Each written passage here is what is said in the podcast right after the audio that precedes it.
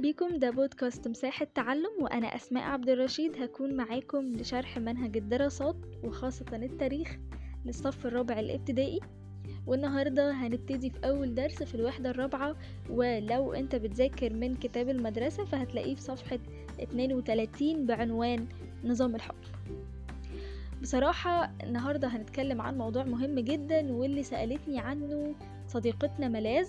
أنتوا اتعرفتوا عليها في الفويس اللي قبل كده لو فاكرينها؟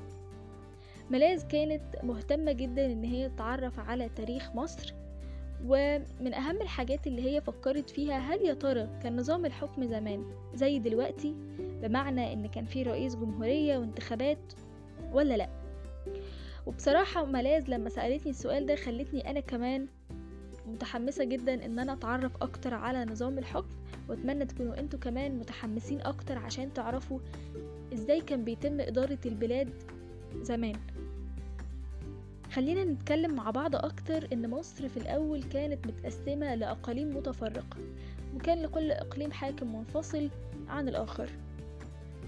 ولكن لما تم توحيد مصر ده ساعد على إن يكون في نظام أكتر يعني طبيعي جدا لو حاولنا نتخيل إن بلد متفرقة لأكتر من شخص فطبيعي إن مش هيكون في نظام زي ما تكون متوحدة كلها وليها حاكم واحد ونظام واحد وقوانين واحدة. فبالتالي ده هيخلي فيه استقرار في البلاد ومش هيبقى فيه نزاع طبعا بين الأقاليم المختلفة لأنهم كلهم هيكونوا بينتموا لوطن واحد وكلهم هيكونوا بيحترموا القوانين دي. هنحاول نتخيل الموضوع على شكل هرم بما إننا بنتكلم عن تاريخ مصر فخلينا نتخيله على شكل هرم. فوق خالص على قمة الهرم هنتخيل إن في الفرعون أو الملك وده بالظبط كده اللي بيمثله دلوقتي رئيس الجمهورية بس زمان كان اسمه الفرعون أو الملك. الفرعون أو الملك بيعين حد يساعده بيسمى بالوزير. علشان يساعده في إن هو يدير البلاد وهنتعرف عن دور كل واحد فيهم لسه بالتفصيل. الوزير بيكون رئيس لمجموعة من الأشخاص اسمهم الحكومة المركزية. والبلد زمان كانت متقسمة لمحافظات زي دلوقتي وبما إن دلوقتي كل محافظة ليها شخص مسؤول عنها بيسمى بالمحافظ فزمان كان اسمهم حكام الأقاليم.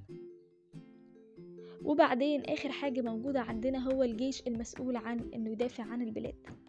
فلو تخيلناها على شكل هرم أو لو حاولنا نعدهم على إيدينا فهم خمس سلطات بالظبط واحد الفرعون أو الملك اتنين الوزير تلاتة الحكومة المركزية أربعة حكام الأقاليم خمسة الجيش. يلا بينا نتعرف أول حاجة على الفرعون أو الملك ونعرف إيه هي أدواره. الحقيقة أن المصريين القدماء زمان كانوا بيعتبروا أو بيعتقدون أن الفرعون أو الملك ده هو ابن الإله على الأرض. يعني كانوا بيعظموه جدا جدا وبيحترموه جدا لدرجة إن هم كانوا بيقولوا إن هو ابن الإله. وكانوا شايفين إن هو الحاكم الفعلي اللي في إيده كل السلطات اللي ممكن تتنفذ في البلد. أهم المسؤوليات بتاعته وخلينا نعرف الملك بالظبط كان بيبقى أدواره إيه زمان. يعني الملك ده كان مسؤول منه إيه بالظبط في البلد.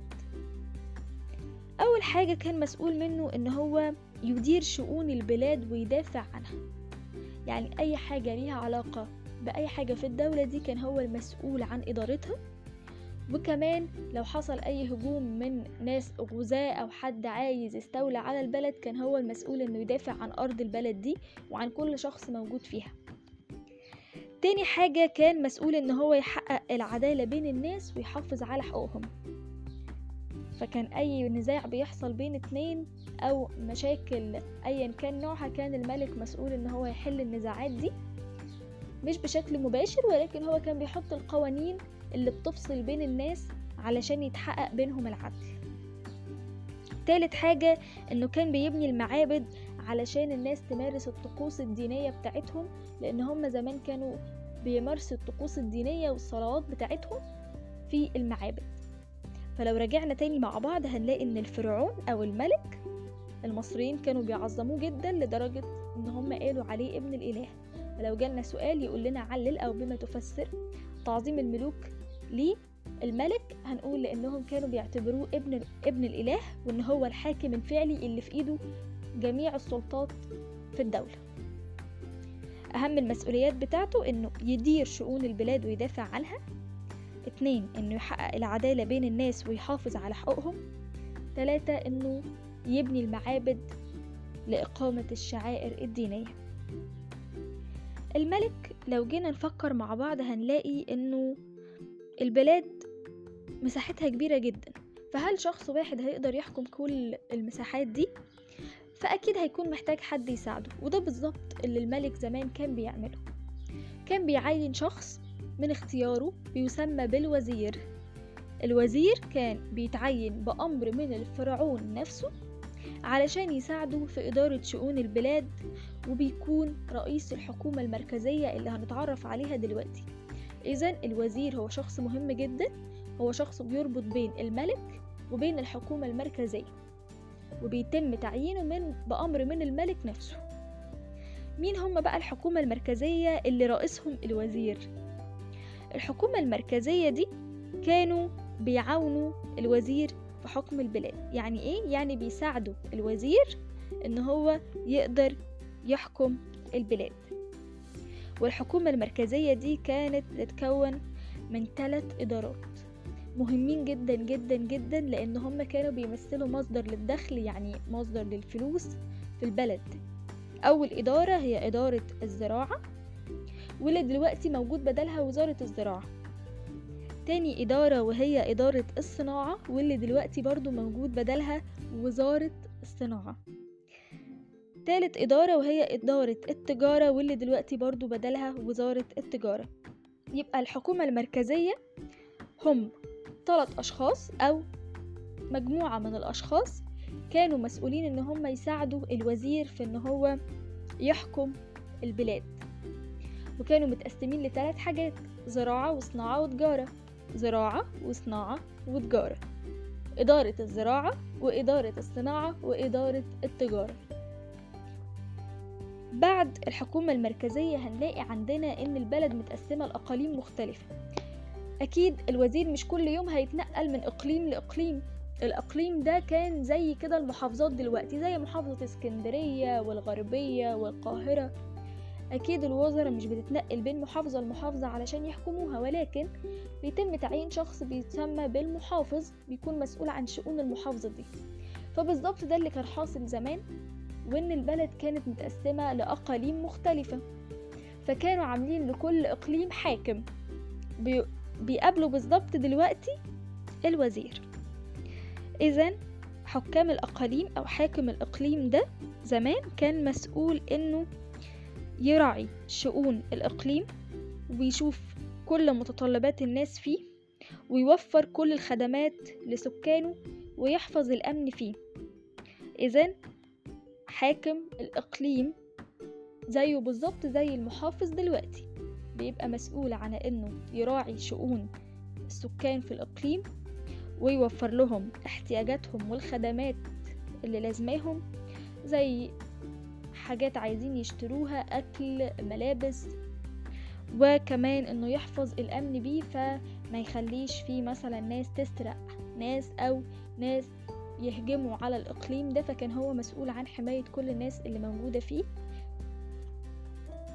خامس سلطة موجودة عندنا في البلاد وهي الجيش. بعد ما البلاد اتوحدت اهتموا الملوك بالجيش واهتموا انه يسلحوه بشكل كويس جدا لأن دلوقتي مصر بقت دولة واحدة فبقت مساحتها كبيرة فمحتاجين إن إحنا نحافظ عليها علشان ما يجيش أي بلد تانية تطمع فيها. وطبعا الجيش دوره مهم جدا جدا في إنه يحمي البلاد ويحافظ على الوحدة والأمن والاستقرار وإنه يدافع عنها ضد أي حد ممكن يعتدي عليها. وده اللي إحنا وضحناه بشكل كبير لما كنا بنتكلم على الملوك زي الملك أحمس والملك تحتمس الثالث والملك رمسيس الثاني. لو نفتكر كنا بنقول إن هما اهتموا جدا بالجيش وبوحدة البلاد فالتلات ملوك اللي هما أحمس وتحتمس الثالث ورمسيس الثاني من أكتر الملوك اللي اهتمت بتسليح الجيش لأنه مسؤول عن حماية البلاد وزيادة وحدتها واستقرارها والدفاع عنها. هتلاقي قدامنا في صفحة 33 على إيدينا الشمال كده تحت صورة وفيها بعض النماذج من الأسلحة اللي كان بيتسلح بيها الجيش زمان. شكرا ليكم جدا إن أنتوا كنتوا معايا وبتسمعوني وأتمنى تكونوا فهمتوني بشكل كويس. واستنوني في البودكاست القادم. كانت معاكم أسماء عبد الرشيد. باي باي.